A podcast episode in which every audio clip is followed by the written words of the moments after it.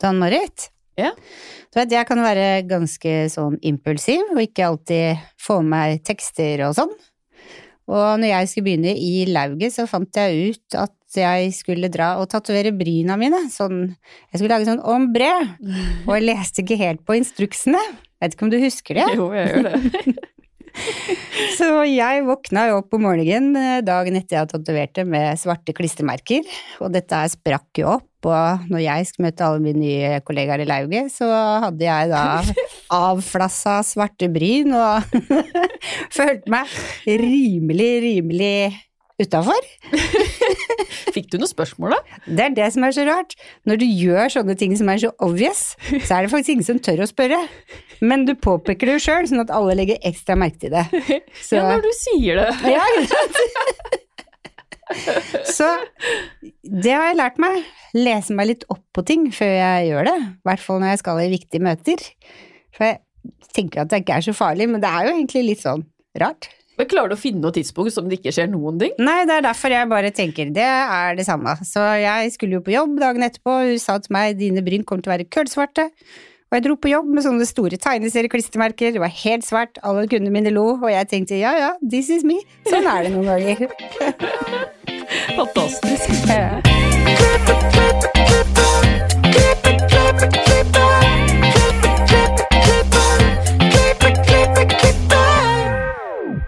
Velkommen til Hårpodden. Jeg heter Ann-Marit. Jeg heter Renate. Ja, Renate. Har du, eh, hvordan har uka di vært? Jo, det er jo litt derfor jeg hadde lyst til å begynne å snakke om lauget, for vi har jo fått nytt styre. Ja, stemmer. Og det var vi på i går, et møte som jeg syns var skikkelig produktivt og skikkelig, skikkelig, skikkelig gøy. For en engasjert gjeng. Ja, og Ja. det er gøy. Ja, veldig. Det er gøy å få inn to nye ildsjeler som bare gulver inn masse de har lyst til å gjøre, og bare henge seg på det og liksom det syns jeg var skikkelig I går så gikk jeg med sånne bobler i magen og tenkte yes, dette er gøy. Ja. Det, det, det liksom viser hvor viktig det er å få nye impulser, liksom. Ja, Ja. det er det. Så det blir veldig spennende å se hva Laug kan gjøre fremover. Ja, Mm. jeg tipper at det blir ganske mye, faktisk. Ja. Det er planen. Ja, det er planen, ja. Ja, så kan det var min uke. Ja, ja og det var akkurat det samme jeg skulle uke. si òg. Ja. Nei, det blir gøy. Dere får gå, gå inn og følge Lauget på Instagram. Ja. Da får du hva som skjer. Absolutt. Men vi har jo med oss en gjest i dag. Ja. Og dagens gjest er frisør og produkt, produktspesialist. I dag jobber han for Pretty Good AS som lead educator, og det gjør han også nå på fulltid. Velkommen til oss, Henrik Andresen. Hei, takk. Kan ikke du starte med hvordan var det karrieren din starta? Karrieren min starta med at eh, jeg uh, nærma meg slutten på ungdomsskolen uh, og visste ikke hva jeg skulle gjøre. Jeg hadde ikke peiling. Uh, men jeg har vokst opp med hund og hundeutstilling, og så har jeg alltid hatt en, en passion for, for pudler. Og fulgt de siden jeg sikkert var eh, ti år, og vært veldig i miljøet. Eh, og lærte etter hvert å begynne å klippe litt og sånne ting. Så det begynte egentlig litt der med saksa. Og så husker jeg det var eh, Jeg gikk hos en del sånn rådgivere sånn før vi skulle søke skoler og sånne ting, og jeg syntes det var kjempevanskelig. Eh, og så husker jeg det var en lærer som, eh, som spurte hva kriteriene mine var for et arbeidssted, eller som hva jeg likte å gjøre, eller hva som var viktig for meg, da. Og jeg sa at eh, det er viktig for meg å være sosial og, og, og på en måte kreativ. Det er to ting som jeg må ha utløp for i løpet av en dag. Eh, og da sa han at eh, Og så visste hun at jeg holdt på med dette med klippinga og sånn, så hun sa at eh, kan du ikke Hva med frisør? Og så tenkte jeg at eh, jeg vet ikke helt. Men så, men så hadde jeg jo ikke noe bedre alternativ. Det var det eller kokk, og jeg ville jo på ingen måte bli kokk. Eh, så det endte med at jeg søkte på frisør Klemmen i Fredrikstad. Og kom inn og gikk jo ferdig der, og begynte som lærling på Leslie, faktisk. På Vinterbro. Så jeg var lærling der. Og flytta hjem og tok svennebrev hjemme, og så Rett før jeg var ferdig, da. eh, Kan jeg bare spørre åssen var det å jobbe på Leslie? Eh, Det var eh, veldig eh, Det var veldig interessant. Eh, Vi fikk være med på Jeg var veldig heldig. Eh, Jeg fikk være med på veldig mye. Og Leslie er jo Leslie er jo en, en, en spennende personlighet, men som jeg tok meg veldig under vingene, da. Og, Og tok meg rett og slett med på alt, så jeg fikk være med på alt og se alt, og fikk veldig god opplæring og ble fort veldig trygg i faget. Og, og så er jeg fargeblind.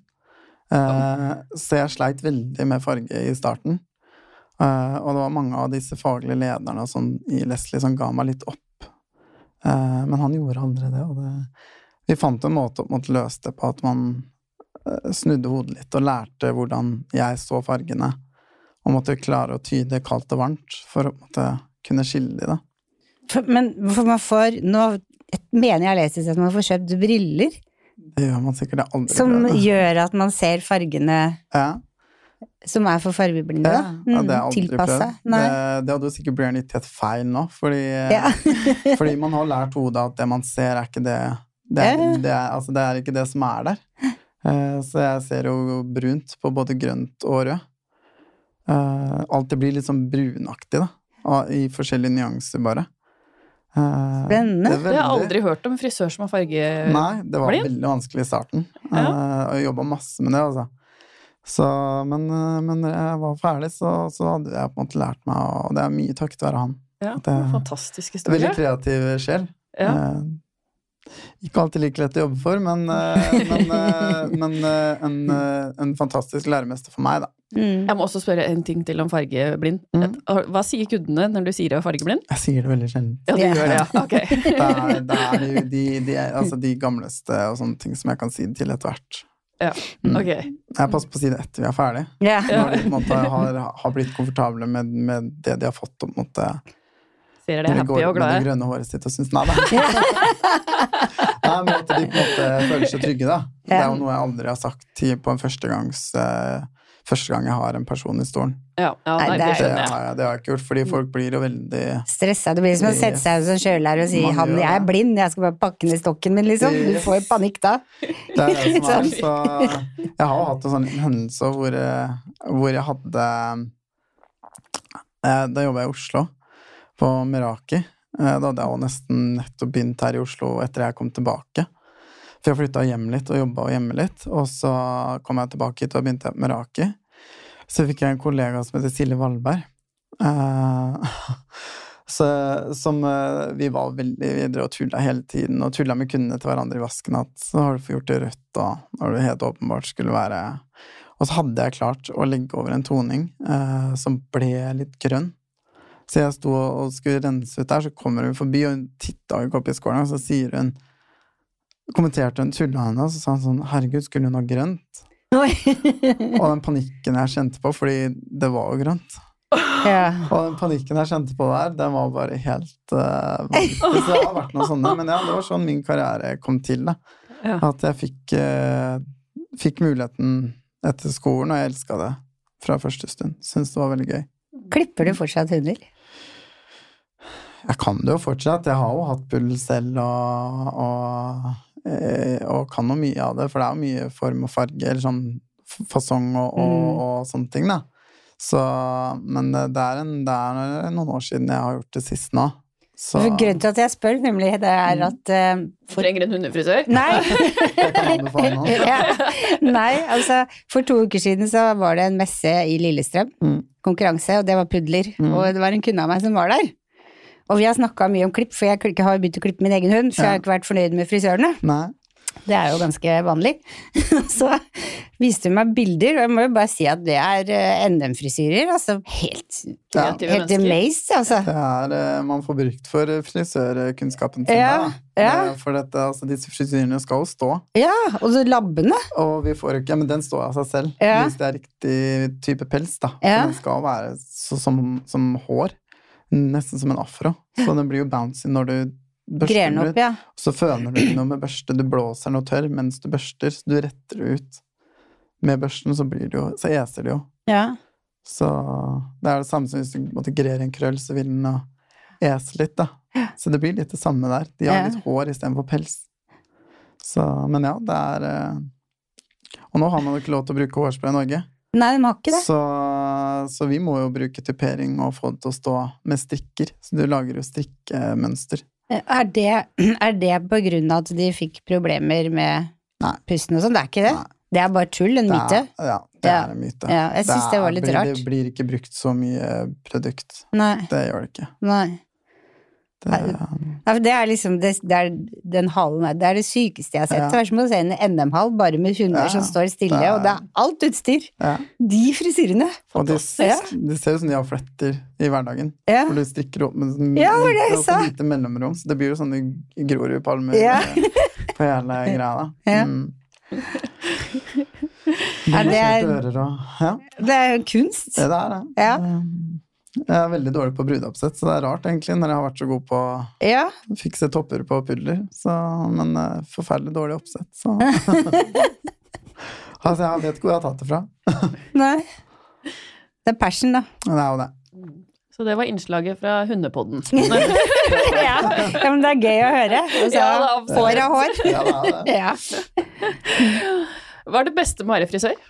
Ah, Ja, hva er det beste med å være frisør?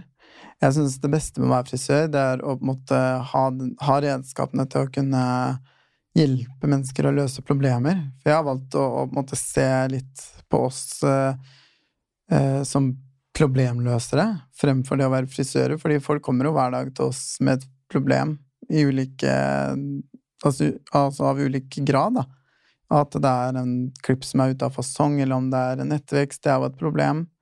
At det er hodebunnsproblemer, altså problemer med svake hår, og sånne ting. Og at man en måte kan, eh, kan, kan måtte hjelpe kundene med problemene sine, og forandre litt hverdager, da. Det er, det er nok kanskje det jeg liker best med å være frisør.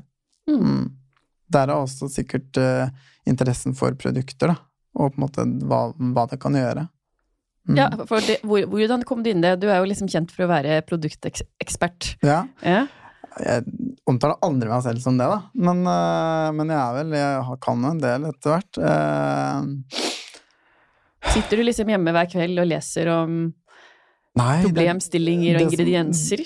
Det som er, det er at eh, jeg har kanskje ikke vært så hard på å lese ingredienser. Jeg er nok mer på den uh, gå i dybden av hvordan uh, hodebunnen og hårsekken og alt det fungerer. Da. Den, den, altså, den, altså hvordan alt funker der.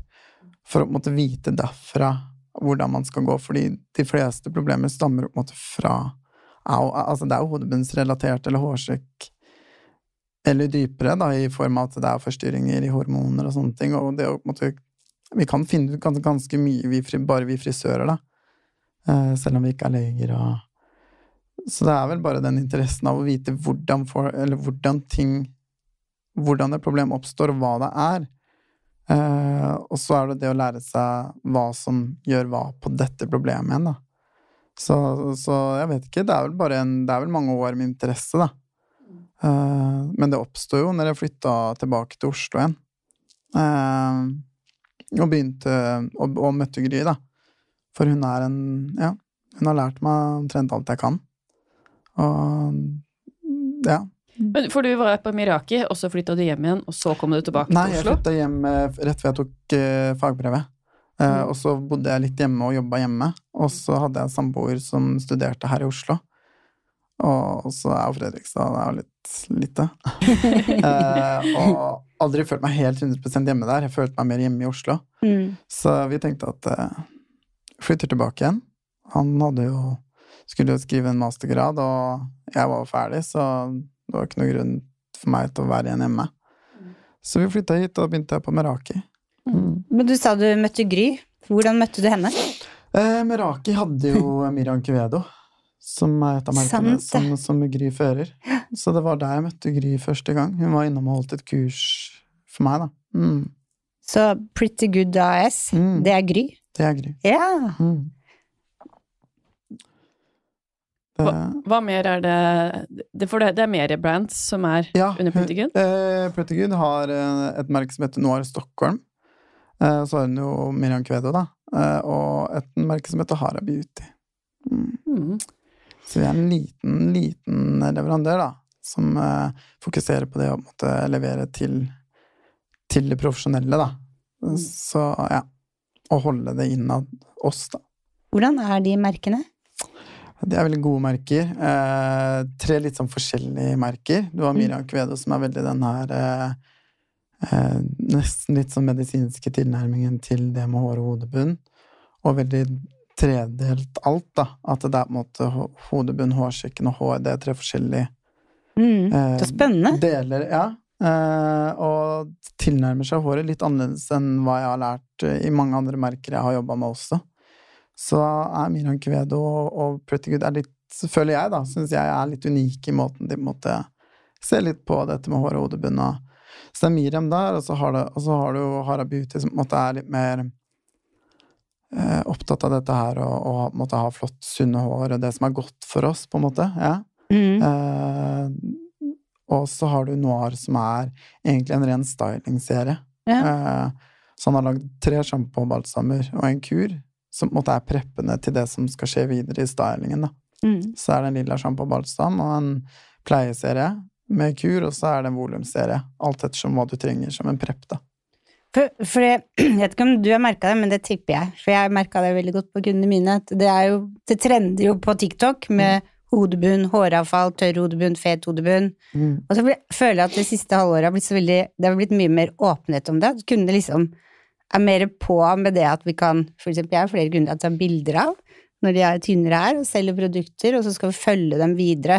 Mm. At det er mer, og det syns jeg er så fint, fordi mange av oss har jo problemer med huden i hodebunnen og det som skjer her, da. Både Ja. i periodevis og fast. Det er jo nettopp det, at de Mhm. fleste av oss har det jo periodevis. Ja.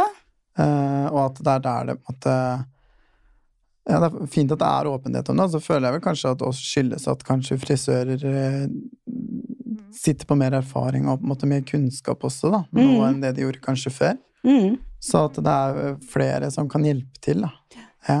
Så blir man vel Jeg føler at det er mer greit å snakke om det nå. Det er Mhm. ikke det er liksom ikke kleint å ta det opp. det, og Kundene tar det opp selv òg, det syns jeg er Ja. veldig fint. Og det skal jo ikke være kleint heller, Nei. for det er jo verdens mest naturlige ting, da. Mm. Det, det er noe som vi alle kommer til å oppleve, sier jeg da. Jeg, altså, det er ingen som går gjennom livet uten å ha noen plager i hodebunnen. Og hodebunnen følger jo huden. Så har du på en måte et hudproblem, så, så går det ofte igjen på hele kroppen på et sett. Da. Akkurat. Så ja. Og det som er litt kjipt akkurat med det, er at hvis de går til fastlegen sin, så sier legen gå på apoteket og kjøp Fungoral, Mm, men vil jo, eller Akobase, men Mm. du vil jo heller ha det i salongen og mm, kunne stille en annen diagnose ja. Mm. Men kan du liksom se på kundene dine og si at ja, nå ser jeg at du er innom en eh, tøff periode, eller nå er det noe som skjer hormonelt, eller Ja, jeg kan Ja. se ganske mye, men selvfølgelig ikke alt. Det også er noen ganger jeg liker å føre meg med andre kollegaer. Uh, Føre meg med kundene om de syns det er greit, og mine kunder er også vant til at jeg er ganske spørrende, og spesielt hvis jeg ser at det er et problem der, uh, eller at vi er på vei til å ha et, eller få et, da, så er jeg veldig der, men uh, så er det mange ting som man kanskje ikke ser før i etterkant, sånn som håravfall og, og, og måte, håravfall ved stress og sånne ting, så ser man jo gjerne det etter i etterkant, at man ser at det er et parti hvor det måte mangler hår, da, Mm. i, som, som fyller lengdene, og da, og da er det jo litt etterpå man egentlig har sett det, men at man kan høre hva som har vært, og på en måte Ja, hvor, altså hvorfor det har skjedd, da. Uh, men ja, det er man, de aller fleste tilfellene kan jeg jo se, se ganske fort hva som er greia her, da. Mm. Mm. Hva er det vanligste feilene vi frisører gjør når vi velger produkter til kundene våre? Jeg tror den vanligste feilen vi frisører gjør, det er at vi ofte kan, eh, kan låse oss eh, litt fast på en favoritt. Mm. Altså typ en, eh, en lilla sjampo som er vår favoritt, og så blir det den som blir løsningen på alt. Eh, Og ikke på en måte utforsker hele seriene våre, eller setter oss like godt inn, i- inn i alt vi har i hyllene, da. Eh, Og ikke vet nok om, om kanskje problemet du skal hjelpe til med. Det er det jeg tror er kanskje en feil vi kan gjøre. Men igjen så, så syns jeg også med det at det har blitt litt mer, altså mer trend, da, Mm. og litt mer åpenhet, så føler jeg også at uh, flere begynner å bli ganske gode, da, på, på, altså, på dette her. Og det er jo veldig Syns jeg i hvert fall er godt å se, for det er en viktig del av yrket vårt som vi burde bevare, da. Mm. Jeg synes det siste året så har det endra seg at fra at du ser på hva slags type kur du trenger på et slitt eller Mm. ødelagt hår, Mm. til at du også er blitt like interessert i det som skjer i hodebunnen Mm. på kunden. Og det syns jeg er skikkelig spennende. Ja. Mm. For det er jo litt det, det, er jo litt det når eh, når folk kommer med dette slitte håret, da, hvorfor er, er det slitt, altså slitt og tynt? Er, altså, er det helt likt fra bunnen, fra der hvor du ser at det kommer opp? Eller er det en påkjenning av kjemikalier? Fordi ofte så er det jo mange som har tynne hår, og så har de lyse hår, så man tenker at det er slitasje. Mm. Men så går man litt dypere ned i hodebunnen, så ser man at egentlig allerede fra start i hårsekken så er det et ganske fint og, og, og tynt og svakt hår, da. Mm. Mm. Og da må man jo begynne å, å tenke at man må forsterke allerede fra hårsekken. Mm. Og det er der, når det begynner i den dybden, at jeg føler at kanskje at man kanskje har litt igjen å gå på, at man må bli flinkere til å sette seg inn i hva som skjer der, og hvordan man kan påvirke. da. Mm. Mm. Vil det si at eh, du ser at det er fett, eller det er tørt, eller Ja, og at du ser på måte at uh, du ser på de forskjellige hårtypene, så ser du at det er de som aldri vokser ut små front og sånne ting. Mm. Hvorfor er det sånn? Kan man gjøre noe med det? Og der føler jeg at det er mange som ja, men bruk den her, den her for å gjenoppbygge eller hårtapp. Og så, og så er det kanskje ikke hårtapp som egentlig er problemet ditt, det er jo det at det er, håret, er for, håret er for svakt til å kunne gro lenger Mm. fra hårsekken sin side, da. Og da er det jo, må man jo forsterke det allerede i på en måte Altså allerede i hårsekken, i celledøden, og på en måte multiply det, eller sånne ting. Og det er viktig å kunne skille mellom de tinga der. Mm. Mm. For jeg så i Når det var korona, så Mm. fikk en av mine beste venninner Hun ble syk, aldri vært syk egentlig, og da mista hun håret sitt. Helt sjokkerende hvor mye hår Mm. Altså, jeg fikk sjokk. Jeg skulle klippe hår, og besto bare som et spørsmålstegn og tenkte altså, hvordan skal jeg klippe der? Altså, Ja. det fins ingen form som gjør at jeg kan gjøre det fint. Ja. Og da måtte vi liksom både sørge for at du tok riktige vitaminer, Mm. Og så var det en sjampo for håravfall, og så var det sånne dråper fra Mm. Davines. Og i Mm. tillegg så kjøpte vi en sånn Energizes tube som styrker de hårene du snakker om, Mm. som ikke vil gro ut. Mm. De som aldri blir lange. Og det er halvannet år siden, og hun har faktisk, no joke, bedre hår i dag Ja. enn før. Oi, wow! Ja, og det, det er en av grunnene til at jeg syns det er kjempegøy at Mm. det trender, for når du kan se at det funker så bra, Mm. Så er det absolutt noe vi burde være like interessert i som alle kurer og Ja. faktisk. Men det kan jeg også synes er veldig gøy, å følge liksom en person som fikser huden sin over tid, eller hår over tid, og det Mm. er jo veldig spennende å se at om det faktisk har noe å si. Ja. Ja. Så er det litt det at eh, Det er litt det at folk behandler huden sin så annerledes enn det de behandler hodebunnen. Det, som jeg syns er så rart. Sånn som bare det å skrubbe en hodebunn er det jo ingen som tenker på omtrent. Nei. Og for meg så er det verdens mest naturlige ting. Men igjen så kommer det jo litt det fra Miriam Quevedo igjen, da. Fordi de har jo disse produktene som kan gjøre det. Fordi det fokuset er der. Det er med fra hudpleieteknologien, da. At det, det, er ikke, det er jo ikke sånn at huden forandrer seg rundt ved hårfestet. Nei. Jo Og så er det vel sånn at huden i hodebunnen, den eldes mye fortere enn huden vi ser. Ja, altså man kan jo godt si det, og den er jo Ja. utsatt for en del mer også. Ja, men så dekkes den av hår, så derfor så tenker vi ikke over det. Nei. Men det er jo der. Mm. Det er det. Mm. Så ja. Spennende. ja, det er det, altså. Ja. Det, det er en spennende verden. Hvor lenge har du vært interessert i det?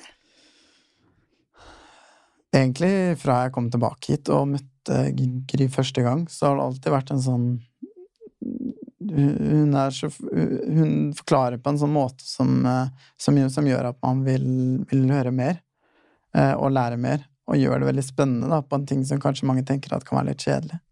Mm. For det tror jeg virkelig, at mange tenker at det kan være en kjedelig verden å begi seg ut på. Ja. Eller begi seg inn i det, altså at den er ikke så spennende, den hodebunns og verden, da. Men Egentlig veldig rart. Blitt, det- at den kanskje har blitt det litt nå, da. Ja, for vi sier jo hele tida at håret er den krona vi aldri tar av oss. Mm. Men så er du ikke interessert i der det gror ut. Nei. Det er veldig rart. Ja, Det er jo det. Ja. det er det. Det er, det er, det er veldig merkelig. Mm. Men Du har jo, eh, skal jo gå all in og holde kurs Mm. nå. Det er bare halvannen uke siden du klippa din siste kunde. Det er sant. Hvordan vil det- hverdagen din se ut nå? Uh, nei, det helt annerledes enn hva den har gjort. Nå vil jeg jo ikke klippe hår. Det er jo, det er jo kanskje den, den største Altså det å slippe den fargeverdenen for min del, da. Som jeg kanskje har, har måtte, vært mest investert i. Så det å slippe den verdenen er jo litt rart, men eh, Men eh, nå vil jo hverdagen min være prega av å lære opp og på en måte spre den kunnskapen som jeg har, og som jeg skal få. Mm, For jeg er på ingen måte ferdig utlært. Eh, Jeg ser jo på meg selv som, som relativt fersk, men jeg har jo allikevel mye, mye kompetanse. Men ja, så er det på en måte Hverdagen min vil jo være prega av å, å, å, på en måte være ute og lære opp og jobbe hands on med frisører. Med, med deres problemer, da. Mm. det er jo det min hverdag blir. Mm. Så istedenfor at jeg vil hjelpe kunder med sine problemer, så vil jeg jo heller hjelpe en gruppe da, med sine problemer. Eller med å hjelpe andre med de problemene som jeg har, har jobba med på mine kunder hele tiden. Du skal hjelpe kundene med å gi ekspertise til de som står bak året. Ja, Ja, det blir jo sånn. det er jo Du litt det. blir- omfavner jo enda flere, Mm, egentlig. Mm. Så du får jo hjelp av flere. ja, og gjøre de bevisst på, på en måte, hva, hva de kan gjøre med de forskjellige produktene som vi tilbyr, da. Mm. Og hva mulighetene er der. Ja. Spennende. Har du en morsom eh, historie du kan eh, dele med oss? Det har jeg. Eh, Det var litt den jeg delte i stad om, om den med, med grønne håret. Men det var på et sted hvor jeg jobba, så hadde jeg en kollega som jeg skulle, jeg skulle skremme. Jeg er veldig glad i å skremme folk. Tuller jo veldig mye. Så jobba vi kveld, eh, så vi var vel tre stykk på jobb. Og så det, hadde vi en sånn lang gang, og så var det et rom, og jeg så, når jeg var på det bakrommet, så så jeg at hun kom gående. Og tenkte at nå skulle jeg skikkelig skremme, og det var en person som, eh, som ikke var så lettskremt. Så jeg tenkte at nå skal jeg skikkelig skremme. Og hun kommer gående, og jeg hopper ut. Og jeg brøler, altså. Og så tar jeg liksom litt sånn tak i henne. Men så, så hadde hun, hun snudd og gått inn på, på fargerommet. Så var det kunden hennes. Så gøy! Så jeg skremte den kunden, og den kunden altså hun begynte, hun, hun var på vippet og gråte. Hun, bare, hun sto inntil den veggen og var helt lamslått, og der sto jeg og holdt i henne. Og jeg hadde følt meg så dum, og jeg følte meg så dum, og jeg ble så sjokkert at jeg sa ikke unnskyld engang. Jeg, jeg bare snudde og løp inn på bakrommet og slengte igjen døra. Så måtte jeg selvfølgelig gå ut etterpå og, og si unnskyld, men eh, og jeg hørte, for jeg hørte at hun frisøren kom ut og liksom Herregud, hva er det som skjer? Og hun hyla, ikke sant, hun kunden her også. Altså det, det er kanskje litt sånn, eh, ja. Hva sa hun når du sa unnskyld? Nei, da Da var det greit. litt, Ja, da lo de av det. Ja, ja. Så heldigvis en munter frisør, hun som hun var hos. Så de, de hadde jo tulla, men jeg tror ikke hun var så blid eh, når jeg gjorde det. Hun, hun var ikke på et sted hvor hun var mottakelig for eh, spøken. Nei, det var ikke det. Men, eh, men da beklaga jeg og, og sa at det var, det, det var ikke meningen. Fantastisk! Altså, ikke komme i det hele Ja, tatt! så det var forferdelig egentlig å stå der og, og måtte være i den situasjonen. Og det var bare reaksjonen min også, at jeg bare Du ble, Jeg skremt sjøl, du. så, jeg ble, jeg ble så redd, da, egentlig selv. Ja. For jeg tok jo fysisk Ikke, ikke hardt, men jeg tok jo fysisk tak i skulderen hennes og bare sånn Jeg ble så sjokkert at jeg snudde, jeg snudde jo bare. Jeg sa ingenting, bare snudde og løp inn og klaska døra igjen. Og tenkte bare shit. Det var dagens. ja, det var dagens. Den glemmer jeg aldri, så den tenkte jeg at uh, når jeg leser Ja, altså sånn uh, det, det, må, altså, det må være min, uh, min morsomme historie. Slutta du å skremme folk etter det, eller? Nei, det- Nei, det gjør ikke. Her er det aldri learned. Man kan alltid prøve igjen. Men kanskje litt, det setter meg kanskje litt mer i situasjonen hvor jeg er sikker på at det er riktig person, men jeg har ikke slutta ennå. Nei. Hvis du skulle hatt beskrevet en bra dag på jobb, hvordan ville dagen din vært? Bra dag på jobb. eh, Det ville vært eh, en dag hvor jeg har vært ute og hatt opplæring, hvor jeg eh, ser at de jeg har vært hos opplæring hos, får noe ut av det, og jeg ser at de blir tryggere, jeg ser at de blir inspirert, og på en måte vil, vil, altså vil gjøre mer. Mm. Da har jeg hatt en god dag på jobb. Når jeg måtte ha fått, fått videreført noe, da. For det er på en måte det jobben min er. Mm. Eh, Det er en god dag for meg å måte kunne være med en gruppe og gjerne ha hands on, da. At jeg er med og hjelper dem, og jeg ser at folk vokser og, og Engasjerer seg. ja. Ja. Eller får på en måte tilbakemeldinger på et kurs jeg hadde i over i går, om at eh, Du er fornøyd? Ja, når jeg får en melding av kunder eller mail hvor det står at eh, i dag har de liksom sett helt annerledes på kundene de har hatt de to dagene, og ja. Så bra. Det er kanskje, det er kanskje da jeg har de beste dagene på jobb. Ja. Så er det det God dag på jobb er jo når man har hatt det fint, og man har fått gjort det man, det man er der for å gjøre, da, og, og, og man trives eh, Ja. Og man får glede, da. Da, Mm. da har jeg hatt en god dag på jobb. Drar du ut til kunden, eller kommer kunden til dere? Eh, Eller begge deler. Nå har vi akkurat flytta lageret fra, eh, fra Bygdøy til Alnabru. Så akkurat nå så er det litt kaos på lageret, men, eh, men planen er jo at vi skal ha litt små kurs og sånn hos oss, da. Ja. Så det blir absolutt mulig at de kommer ut, men jeg holder både på, på Teams, og jeg drar ut eh, til salonger. Mm. Alt ettersom hva de ønsker selv. Ja, Mm. spennende. Hva tror du skal til for å rekruttere flere inn til den fantastiske bransjen vår? Åh, det her syns jeg er så vanskelig spørsmål. Det, jeg føler at man må kanskje fremsnakke yrket vårt litt. Eh, og kanskje bruke litt andre titler på det enn bare en frisør. Man, man faktisk eh, forklarer eh, At man får frem viktigheten av måte, arbeidet vårt og, og hva vi gjør. da. Og, og på en måte få frem hvor viktig det er for andre mennesker. Og få frem den følelsen som er hos oss når vi måte klarer å, å, å på en måte gjøre livet til noe godt. da. Det, og så er det alltid et økonomisk aspekt av det, og arbeidstider og sånne ting, men eh, jeg skal ikke si så mye, for jeg sitter heller ikke på en modell eh, som jeg ser for meg at eh, kunne fungert annerledes enn den gjør nå, med tanke på litt kjipe arbeidstider, og, og, og man må jobbe hardt for lønna, da. Men, eh, men ja, det er kanskje første steg, tenker jeg, at eh, man må begynne å fremsnakke yrket litt mer enn å passe på at det ikke bare er en frisør. Kanskje vi skal begynne å kalle oss for hår- og hodebunnseksperter? Ja, Mm. Men da må vi bli det også. Ja, Ja, det er et godt poeng. Kan ikke bare kalle oss det. Ja. For det er lett å kalle seg noe, men eh, vanskelig å skulle Leve opp til det. Mm, vi skal fylle den skoen for nå. det, Ja. Mm. For det er, det er mye kunnskap som, eh, som skal inn, da. Mm. Mm. Ja. Vi har noen faste spørsmål, da. Mm. Har du noen tips til frisører som vil opp og frem? ja, jeg tror eh, mitt tips til frisører som skal begynne å satse, det er å finne seg litt en nisje, og ikke, ikke, ikke nødvendigvis fokusere på å skal gjøre alt.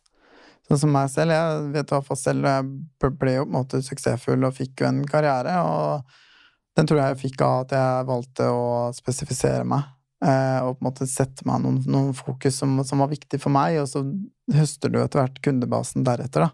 Så er det å sette seg noen, noen, altså noen interessepunkter som man tenker at er viktigst, og så er det ikke det at man ikke kan gjøre men at fokuset ditt ligger, altså ligger på noen ting. Sånn som for meg så var det farge og, farge og klipp som var på en Mm. måte min, min ting, og det var der jeg bygde kundebasen min, mye lys og hår og, og kanskje litt sånn caser hvor, hvor folk eh, Jeg har mye kunder som, som, hadde vært, som hadde vært mye andre steder og aldri blitt fornøyd, da en del av de kundene som man veit at er der, som er vanskelig å tilfredsstille, mange av de har jeg klart å måtte binde litt. Så jeg har klart å lage meg en stor kundebase ut av det. Og det å på en måte sette seg inn i hele faget, det i form av at eh, Og da sier, mener jeg ikke at man skal gjøre alt igjen, men at man setter seg inn i viktigheten av å kunne det man driver med, da. Og det man velger å gjøre, at det du velger å gjøre, må du velge å bli veldig god i. Mm. Det tror jeg er en, en, en nøkkelfaktor for å bli vellykka i dag. Fordi det er jo mange av oss, selv om vi skriker etter flere, så er det mange av oss allikevel. Eh, og det er jo fortsatt mange av oss som, som, ikke, som aldri får mye å gjøre. Så jeg tror at man må snu om og tenke litt annerledes, og tenke at eh, man må jobbe seg inn på en gruppe, da. Mm. Veldig bra tips. Da får man jo på en måte et fulldekt team og en salong, da. Hvis du, har, du gjør jo de alle, alle tinga stort sett uansett, men hvis Ja. du har en krølleekspert, en hodebunnsekspert, fargeekspert, så Ja. kan man liksom spørre hverandre og Ja. involvere hverandre og Litt som vi var på Volo, for eksempel, Ja. da, som er et fantastisk sted å jobbe og, og være på. Eh, Der har du liksom eksperter litt i, i forskjellige ting. mm. De er liksom mange som er fryktelig gode på extension og farge og sånne ting, og så har de jo Claire som er en krølleekspert, og så man kan på en måte bidra med litt bredere arsenal, da. Jeg føler at det er veien å gå, at mm. uh, man har, og vi har brudeeksperter der, eller hadde De har, de har brudeeksperter, det er fortsatt vi litt i hodet. Men, eh, men ja, det er en sånn salong som jeg, som jeg kunne likt å fortsette i hvis jeg skulle fortsette på, på gulvet, da. Så er det det at jeg vet at selv om jeg ikke er noe god i brudeoppsett, så har jeg kollegaer som jeg kan sende de til. Mm. Og jeg har kunder med krøller som jeg sier at jeg kan farge håret ditt, og så kan krølleeksperten klippe deg. Uten at jeg syns at det er dumt. Mm. Fordi jo mer fornøyd du kan bli, jo bedre er det jo for meg. Det er vel det kundene søker nå. Ekspertise på alle nivå. Sånn, Ja. Nå man kan jo ikke være ekspert i alt. Tror det er litt fremtiden, og man, Ja. klarer, man klarer ikke å være ekspert i alt, da. Det, det er i hvert fall jeg innsett at uh, Går ikke i VM på ski og vinner VM i håndball da, Det- samme året, gjør ikke det? Du gjør jo ikke det. Så, det, nei. Så man må velge litt hva man har lyst til å satse på, og så kanskje kjenne etter litt uh, hvor, hvor måte, ferdighetene du innehar fra start også, hvor de peker hen, da. Og om de kan være spennende å på en måte videre, eller ta videre, da. Mm. For man har ofte noen, noen styrker når man starter også. Merka jeg for selv at jeg tok veldig fort klipp. Det tok jeg jo veldig lett inn. Og så merka jeg at eh, det å jobbe med permanenter og oppsett sånne ting, det syns jeg alltid var vanskelig. Og litt kjedelig. Og da var det merka det at jeg heller fant ut det ganske fort i læretiden òg, at jeg begynte å tilspisse litt hva jeg ville gjøre der, da. Mm. Mm. Jeg har litt trua på det òg, at, Mm. eh, at det er det vi, den veien vi går. Ja. Ja. Det er et eh, Jeg tror også fremtiden kan ligge der at man ikke lenger bare er frisør. Jeg tror at man må ut og, og på en måte kurse ved siden av og sånne ting. Jeg tror også det er en litt del av fremtiden å bli gammel i yrket. Mm. Eh, at man, det er vanskelig å bli gammel, gammel i yrket kun på gulvet. Mm. Jeg tror det å på en måte kunne ha, ha en kursdel ved siden av, eller en spesifisering som man kan gå ut og, og på en måte videreføre, da. Uh, tenker jeg at det er lurt. Og- Bredere. ja, og jeg tror det er også fremtiden i yrket, at man, man må gjøre ting ved siden av. Ikke bare stå på gulvet, fordi det tærer jo på. Mm. Det, og det krever mye av hodet også. Mm. Mm. Det skal jeg være ærlig for min del, i hvert fall. Så krever det mye av hodet å stå alle de timene som det kreves Eller som kreves, da, hver eneste dag. Med Mm. kunder på gulvet. Mm. Veldig enig i det òg. Ja. Mm. Hva inspirerer deg? Ja, hva inspirerer meg? Det er jo litt uh, Litt det å se hva andre får til. Det kan inspirere meg mye. Se andre flinke mennesker. Uh, det blir jeg veldig inspirert av. Høre på andre snakke.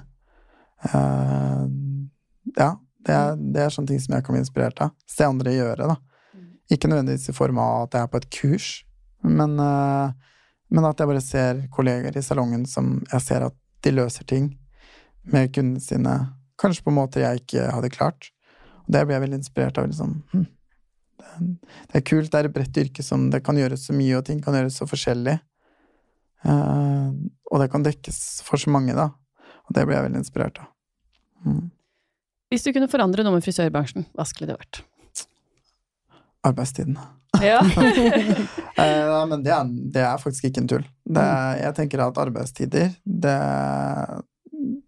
det Jeg og, jeg kan ikke se hvorfor frisører skal opp på en lørdag. Nei. Det Men nå er det jo frisører som faktisk har slutta med det òg, Ja, og får det til. ja jeg jobber ikke lørdager.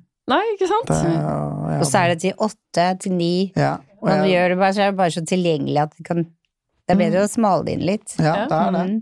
Jeg ser jo det på meg selv. Nå er jeg samboer med en mann, og åpenbart så har ikke vi noe barn, eh, men vi har tenkt kanskje i den banen å, å kunne gå dit, da. Eh, Og da tenker jeg at det hadde aldri vært aktuelt å gjøre det som frisør. Da hadde jeg forandra Da hadde det blitt store forandringer for kundene mine, i hvert fall. At da hadde det blitt få kvelder. Mm. eh, Og kanskje bare fire dager i uka. Mm. Mm. Bare for jeg som jobber ti og tolv timer hver dag, så hadde nok det forandra seg litt. ja. Ikke sant. Det, jeg jobber én kveld i uka, Ja. Ja. Det, og det går fint. ja. Ja. Altså, det er kanskje det jeg ville forandra. Ja. Eh, og kanskje prøvd å finne en eh, ja, jeg- Lage en plan for seg selv, Ja, kanskje? ja. Ja. Og at, at det er litt tydeligere planer også fra arbeidsgiver på, på hvordan man skal jobbe, og hvordan, hvordan man kan få det best mulig vi som arbeidstakere også. Jeg er veldig opptatt av det å leve livet litt også. Eh, og for eksempel så bygde jeg og samboeren min hytte i fjor, så gøy. og er veldig glad i å være der. Og det er klart at når han kan ta hjemmekontor på fredag, eller nå er det sånn, det er ikke alltid jeg kan ta hjemmekontor, det er ikke det, men, men at man, man sitter litt friere i det når man ikke må jobbe til klokka åtte på fredag. Mm. Hvor bygde dere hytte? Nordre Osen, midt mellom Rena og Trysil. Så vi har en halvtime til begge, til begge delene. Wow. Så gøy. Gratulerer. Ja, takk, det er veldig gøy. Trives veldig med det. Ja. Så jeg har nesten andre i byen lenger, så Ja. Hvor finner vi deg på sosiale medier? Eh, Du finner meg på Instagram. Der finner du meg på Henrik Eida. Så det er, det er jo egentlig en frisør, eh, altså en hårkonto. Mm. Så den vil jo nå Jeg driver og planlegger litt og omstrukturerer, så den vil jo bli retta litt mer mot, mot frisører, da. Eh, og, og, og, og, på en måte tips og, og på en måte kanskje litt, eh, litt opplæring. Educator. Jeg, jeg er litt sånn educator. At Mm. man kan begynne å bruke plattformen litt som det også, da. For jeg vet at jeg har en del frisørfølgere også som Ja. Å begynne å kan lære litt ut, det er jo aldri feil. Spennende. Det gleder vi oss til å følge. Ja, så bra. Så gøy. Tusen, tusen takk til deg, Henrik, for at du ville komme til oss.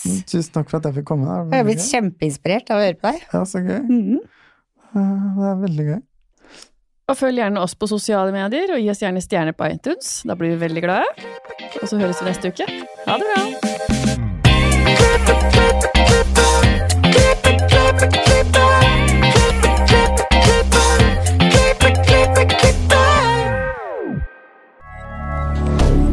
Moderne media. Har du et enkeltpersonforetak eller en liten bedrift? Da er du sikkert lei av å høre meg snakke om hvor enkelt det er med kvitteringer og bilag i fiken, så vi eh, gir oss her, vi. Fordi vi liker enkelt. Fiken superenkelt regnskap.